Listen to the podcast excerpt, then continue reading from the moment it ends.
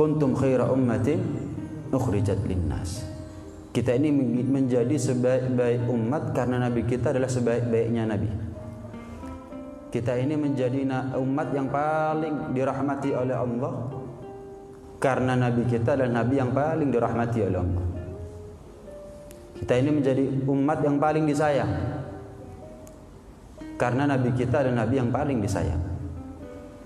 Kita ini menjadi umat yang paling awal masuk surga karena nabi kita adalah nabi yang pertama kali masuk ke dalam surga. Itu adalah beberapa daripada kenikmatan-kenikmatan, kemuliaan-kemuliaan yang tidak Allah berikan kepada orang lain kecuali kepada kita.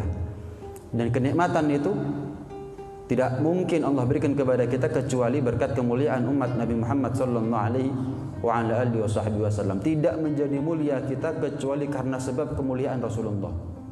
Bi akramir rusuli kunna akramal umat. Kita ini menjadi umat terbaik karena nabi kita nabi terbaik.